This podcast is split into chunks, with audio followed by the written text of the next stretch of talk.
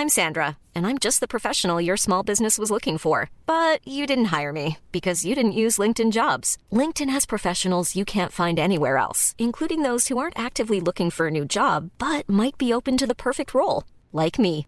In a given month, over 70% of LinkedIn users don't visit other leading job sites. So if you're not looking on LinkedIn, you'll miss out on great candidates like Sandra. Start hiring professionals like a professional. Post your free job on linkedin.com/people today.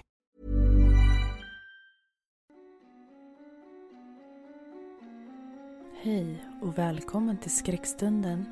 En podcast för dig som älskar skräck.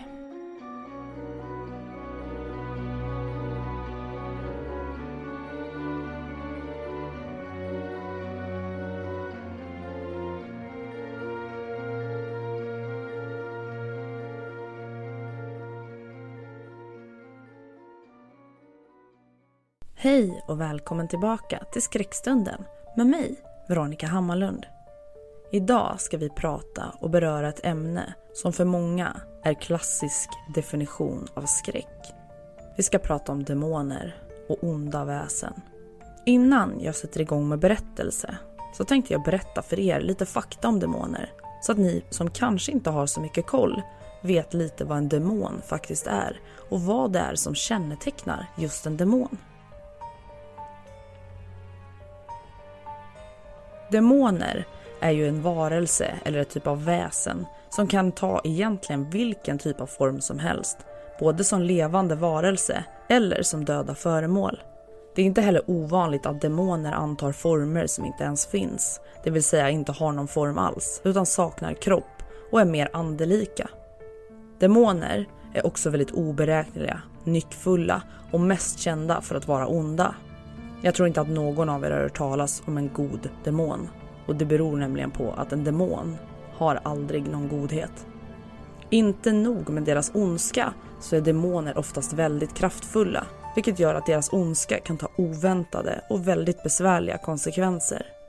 Trots den här otroliga mångsidigheten så förekommer faktiskt inte demoner speciellt frekvent. Utan det är tvärtom väldigt sällsynta. Och tur är väl det i och för sig. Normala människor hör på sin höjd i stort sett enbart talas om demoner medan en magivetare eller likasinnade har tur eller otur att stöta på en eller max två under hela sitt liv. Andar, alltså krasst sett döda människor som med sin själ lever kvar, bör inte förväxlas med demoner.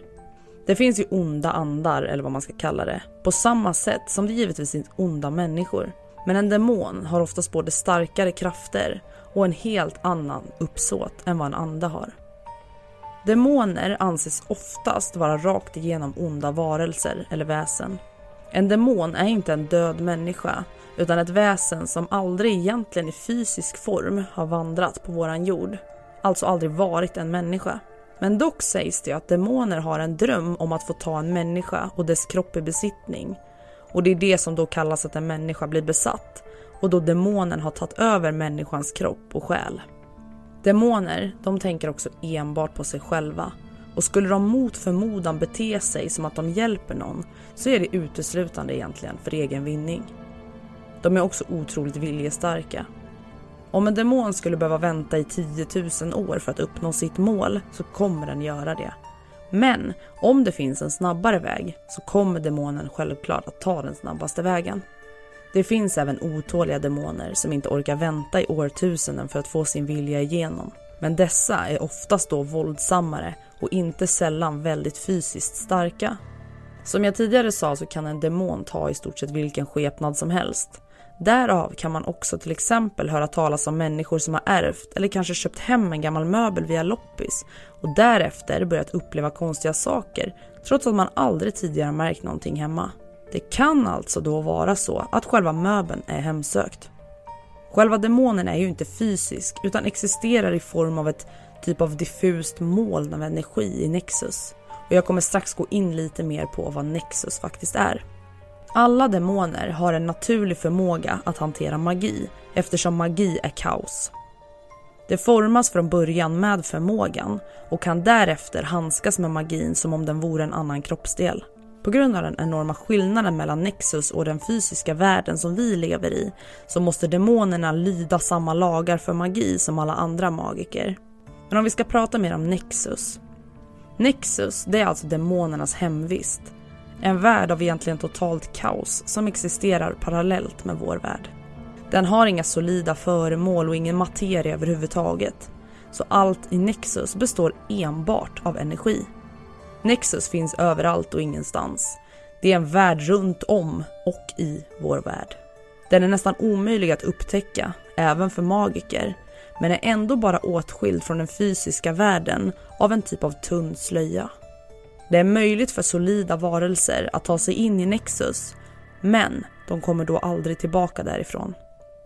Att få sin kropp uppluckrad till ren energi är en alltför stor påfrestning för sinnet och demonerna är då väldigt kvicka på att äta upp allt de kan komma åt.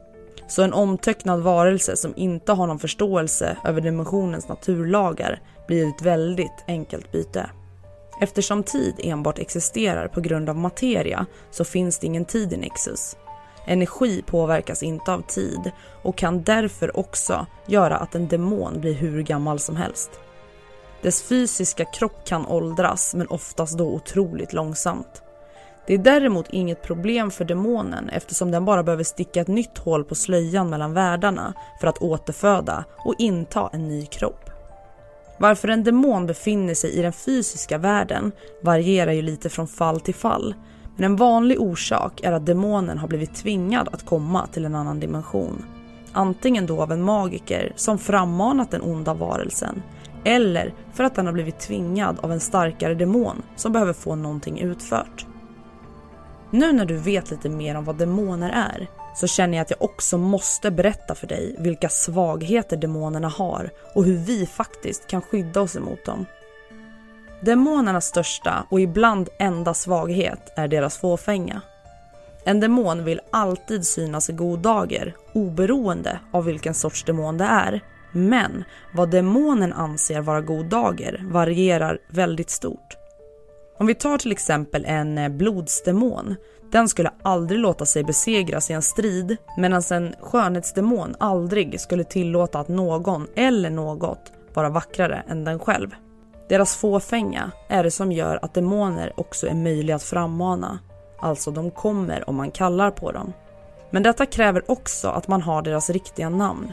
Som de är väldigt försiktiga med att sprida till någon. Demonens namn måste ingå i frammaningsritualen eftersom det är namnet som fångar dess intresse så att den kan komma ut ur Nexus. Så för att inflika lite här, gör mig en tjänst. Oavsett vad du tror eller inte tror, chansa inte och använd därför aldrig demoniska namn. Även om du kan dem, säg dem inte högt och helst ska jag inte ens önska att du tänker dem. För i så fall Glöm inte att jag i alla fall varnade dig.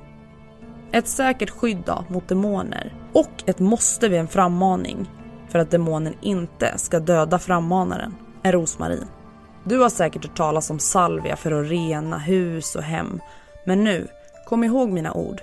Om du ska frammana en demon, rosmarin.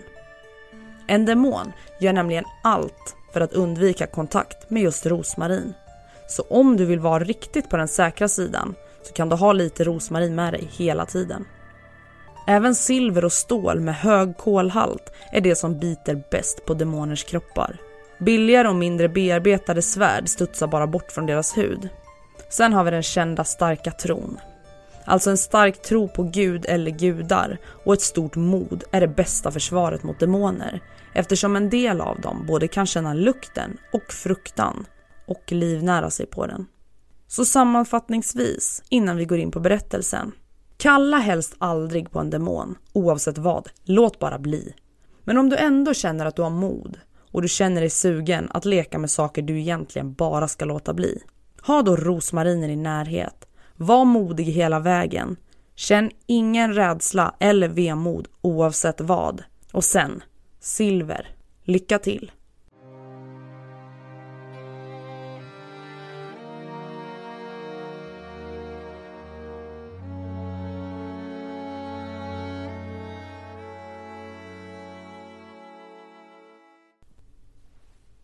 Nu går vi rakt in i veckans enda berättelse.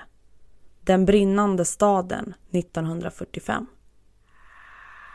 Mitt i den stora salen med nedvälta hyllor och böcker i högar stod Konrad och bläddrade febrilt ibland gamla böcker.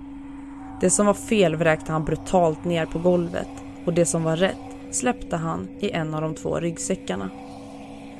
Under ljuden av kanoner och kulsprutesmattor hördes tjuten av människor. Han kastade en blick ut genom de stora sönderslagna fönstren och tittade ut på helvetet. Rök och eld, söndersprängda hus och brinnande människor. De hade förlorat och de hade förlorat stort. Allt som de hade byggt upp höll på att braka samman. För något år sedan hade de kunnat vända det, men nu, nu var allt för sent. Kamper, vad i helvete gör du här?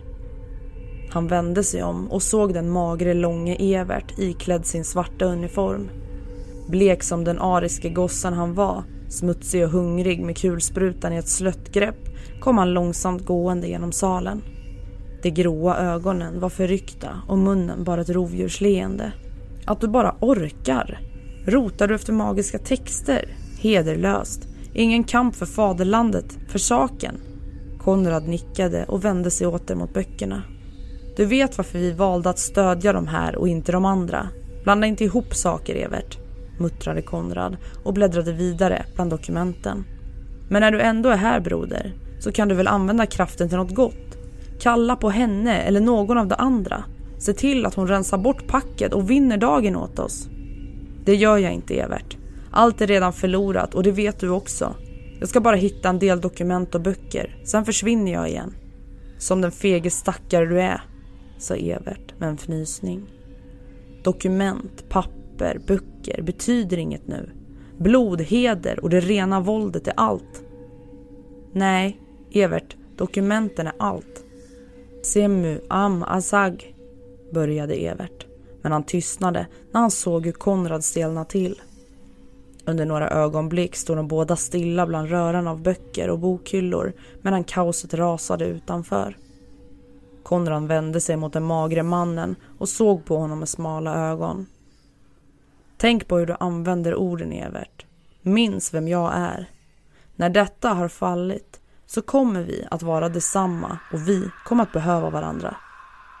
Eldskenet dansade i Everts magra ansikte. Jag är och förblir din mästare Evert och hon är och förblir vår gudinna. Det magra anletet förblev orörligt och de kalla ögonen fortsatte att studera honom. Det där sinnessjuka som Konrad hade sett skymta då och då hotade att ta över. Men till slut vek blicken undan och gled istället över rummet. Vilka dokument letar du efter? Allt det viktiga som fanns i Thules arkiv, sa Konrad. Det som expeditionerna fann. Det som inte får nämnas. Spjutet, bägaren, allt. Evert mötte åter Konrads blick. Har du någon plan för att få ut det? Ja, sa Konrad och nickade. Du letar på fel ställe, sa Evert. Så vet du vart det finns? I Bormans hus. Allt finns i Bormans hus. Varför? sa Konrad. Han kunde inte hålla förvåningen borta ur rösten. Allt beslag togs för några år sedan. Först togs det om hand av Hess och sen av Borman, sa Evert och slog ut med händerna. Det här är bara det som Hess inte ville ha.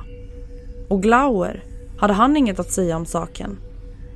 Evert sneglade på Konrad med ett litet leende. Jo då. Och? Evert fortsatte att le medan han höjde k-pisten, siktade ut i rummet och låtsades skjuta. Idiot, väste Konrad. Glauer var ett geni. Visa mig till Bormans hus. Du vet vart det ligger, sa Evert surt. Jag tänker inte skjuta mig genom de ryska leden. Samla ihop dina odjur och led mig dit, sa Konrad med en stickande blick. En timme senare var det på väg genom helvetet. Allt stod i lågor. Hus var skjutna till grushögar och överallt låg kroppar av soldater. Gamla och unga. Och här och där låg även kvinnor och barn. Konrad höll en tygtrasa för munnen och försökte att inte titta. Inte för att han inte hade sett det förut, men för att inte distraheras av de skuggvallar Here's a cool fact. A crocodile can't stick out its tongue. Another cool fact, you can get short-term health insurance for a month or just under a year in some states. United Healthcare short-term insurance plans are designed for people who are between jobs, coming off their parents' plan, or turning a side hustle into a full-time gig. Underwritten by Golden Rule Insurance Company, they offer flexible, budget-friendly coverage with access to a nationwide network of doctors and hospitals. Get more cool facts about United Healthcare short-term plans at uh1.com. Hiring for your small business? If you're not looking for professionals on LinkedIn, you're looking in the wrong place. That's like looking for your car keys in a fish tank. LinkedIn helps you hire professionals you can't find anywhere else, even those who aren't actively searching for a new job but might be open to the perfect role. In a given month, over 70% of LinkedIn users don't even visit other leading job sites. So start looking in the right place. With LinkedIn, you can hire professionals like a professional. Post your free job on linkedin.com slash people today. varelser som krälade över de döda kropparna. Allt höll på att rämna. Inte bara staden, men verkligheten själv. Han kunde ana hur den varsamt vävda väven sprack i sömmarna. Han kunde känna hur saker såg på honom från andra dimensioner. Framför honom gick Evert med k-pisten i ett nonchalant grepp. Runt omkring dem rörde sig hans mannar, dödspatrullen, de skrattande jävlarna från Volga. Män som var så onda och rubbade att inte ens det värsta bland SS ville ha med dem att göra. Då och då sände de iväg smattrande kulregn mot människor som rörde sig bland ruinerna. De rörde sig närmare och närmare Bormans hus. Luften var fylld av oljerök, människoskrik och skottsalvor. Hela tiden skakade marken av explosioner och husruiner och döda fanns överallt. I gränder kunde Konrad ana skuggor av onämnbara ting som väntade på att festen skulle börja. Till slut nådde de fram och här var staden sönderskjuten. De stannade på andra sidan gatan och såg mot det belägrade huset. Överallt låg det sönderskjutna ryssar, vissa döda och vissa döende. Där, sa Evert leende och pekade. Låt oss rensa bort pesten framför portarna bara. Han gjorde ett tecken mot mannarna som genast spred ut sig bland bilvrak och grushögar. Konrad drog in luft, hostade och gled ner bakom ett bilvrak. Där väntade han medan Everts mordiska män dödade ryssarna. Inte bara skott hördes, utan även odjursvrål och skrik av fasa. Efter ungefär en kvart dök Evert upp med ett brett leende och stirrande ögon. Klart i fosterlandets namn, sa han och knyckte med huvudet. Det låg fler döda och sårade än tidigare. Everts män rörde sig som svarta skuggor bland de sårade och dödade dem med bajonett eller med tänder. Framme vid Bormans port stannade det och såg upp mot fönstren. Galler försedda med människogestalter innanför. Jag är Konrad från Sverige. Med mig har jag Evert av de skrattade jävlarna från Volga. Han vände sig hastigt mot Evert och såg på honom under ett par sekunder. Sen vände han sig tillbaka mot huset. Vi ska föra ut herr Borman från Berlin. Evert drog samman ögonbrynen och såg på Konrad. Vad i helvete säger du? Håll mun, vi behöver komma in. Efter en liten stund öppnades porten och de gick in i huset. Där mötte de ett dussin hålögda män, fyra bleka kvinnor och två små barn. Alla var de magra och fyllda av skräck. Var finns herr Borman? sa Konrad.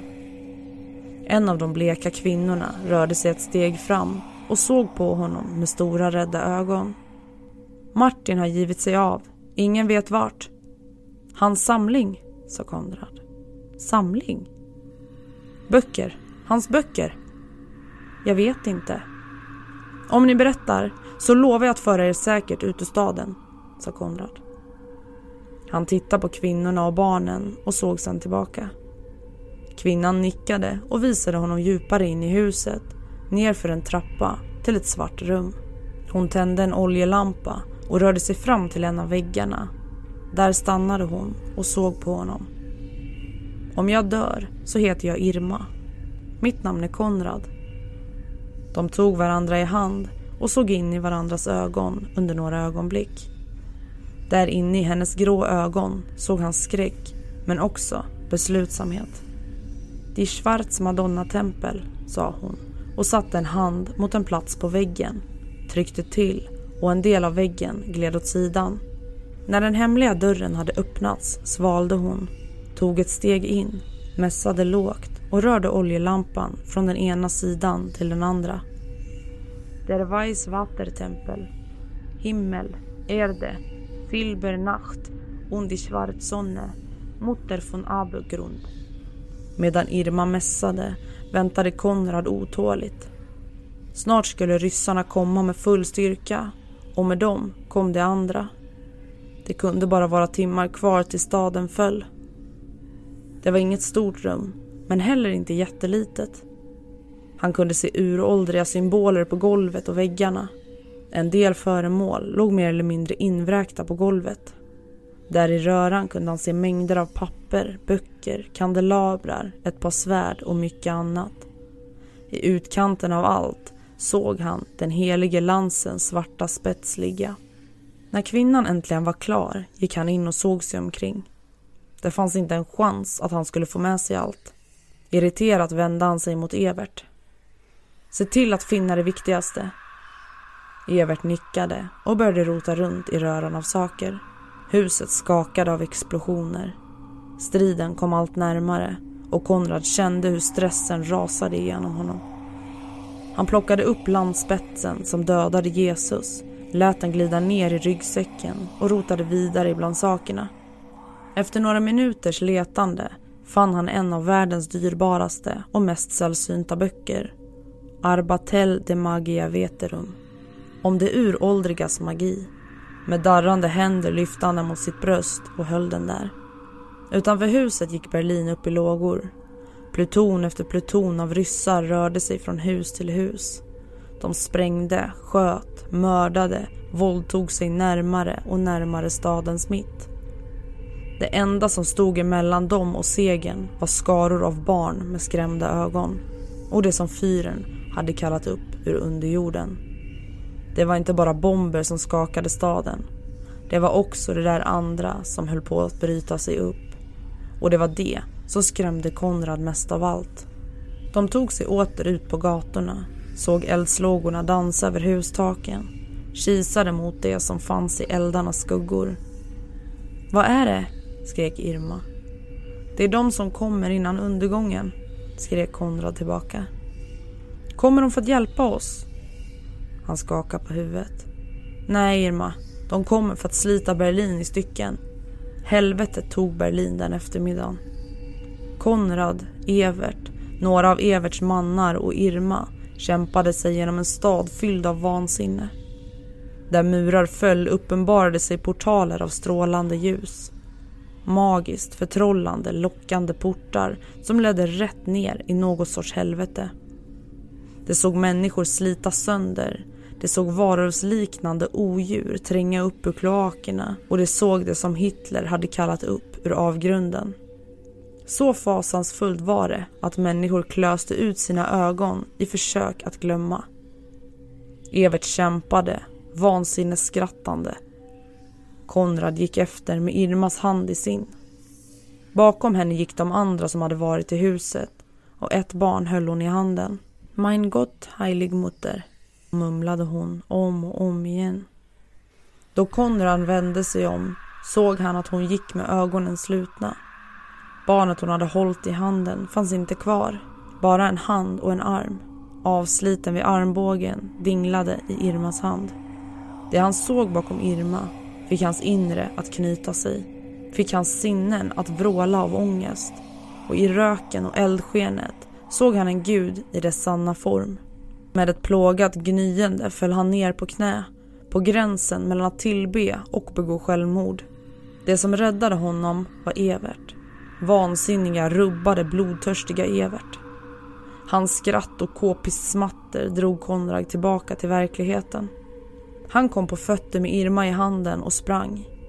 Hur länge han sprang visste han inte. Men när gruppen stapplade ut ur Berlin var de bara sex stycken kvar och alla utom Irma var mer eller mindre galna. Liksom tusentals andra flydde de mot väst där de hade hört att amerikanerna kom. Men innan de mötte deras trupper rörde de sig söderut. Det var en värld i fall. Allt var trasigt, sönderbombat, bränt och förstört. Då och då mötte de människor och många var förvridna av vansinne. Till slut, efter dagar i flykt, fann de en övergiven liten bondgård där de gjorde läger. Två nätter stannade de där, sen drog de vidare i ytterligare några dagar. När en vecka hade förflutit gjorde de upp ett läger i ett litet skogsparti. Ingen eld tände de. Istället satt de alla tätt för att hålla värmen. Den natten såg Irma på Konrad med sina grå ögon och frågade om det han hade sett. En gud tror jag, sa Konrad hest. Eller en djävul. Jag vet inte.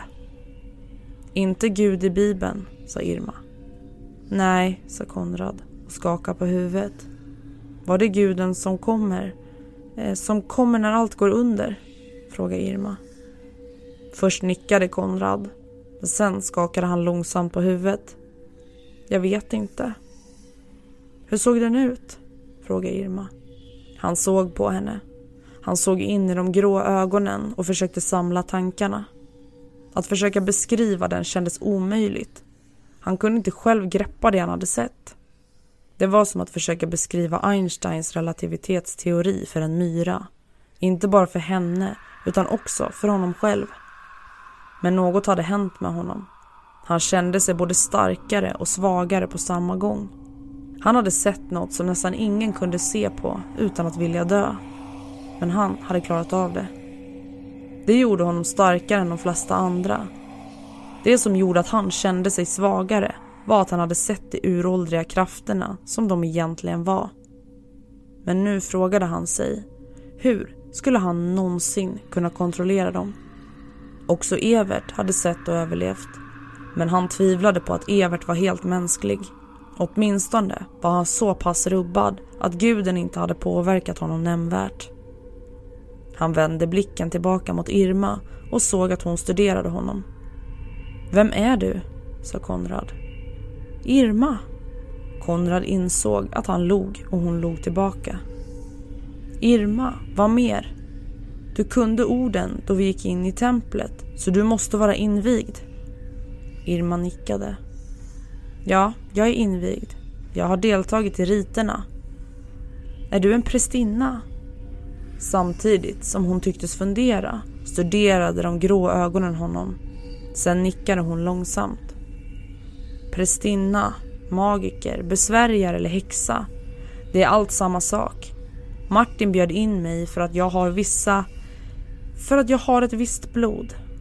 Konrads blick gick över mot Evert. Men han tycktes inte lyssna utan satt med blicken ut mot mörkret. Judiskt, visade Konrad så tyst att han knappt själv hörde ordet. Irma log och såg in i hans ögon, men svarade inte. Om inte, vad är du då? viskade Konrad. Låt oss säga så här långe, ståtlig svensk, sa Irma och lutade sig så nära honom att han kände hennes andetag mot kinden. Jag är mycket speciell, från en mycket speciell släkt. Han vred huvudet några millimeter så att han kom att se in i hennes ögon. Deras läppar vidrörde nästan och de grå ögonen var nästan hypnotiska. Jag sätter dig i säkerhet i Sverige, sa Konrad Hest.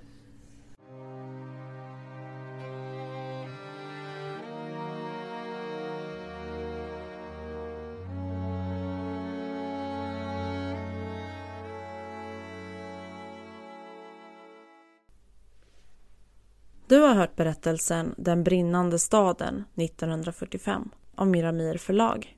Och veckans avsnitt är alltså också då i samarbete med Miramir förlag. Så tack så mycket Miramir! Källan till faktan som jag läste upp för er om demoner har jag hittat på internet och jag kommer lägga länken nere i avsnittsbeskrivningen. Demoner är ett väldigt stort ämne och brett ämne och vi kommer säkert att gå in på det fler gånger om ni tycker att det är spännande och intressant så glöm inte att skriva till mig vad du tycker om avsnitten så att jag vet vad ni vill höra mer av och vad ni tycker särskilt mycket om och kanske vad ni tycker mindre om. Vi hörs nästa vecka och tack för att du har lyssnat. Och tack Miramir förlag. Du har lyssnat på Skräckstunden. En podcast som får ditt blod att frysa till is. Ha en fin vecka så hörs vi snart igen.